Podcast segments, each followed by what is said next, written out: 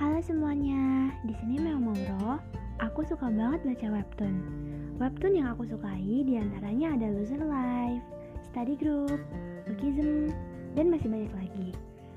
Dan kali ini aku pengen review webtoon-webtoon yang bagus versi aku, mulai dari webtoon romance, action, drama, horor, dan genre lainnya, baik webtoon berbahasa Indonesia ataupun webtoon berbahasa Inggris.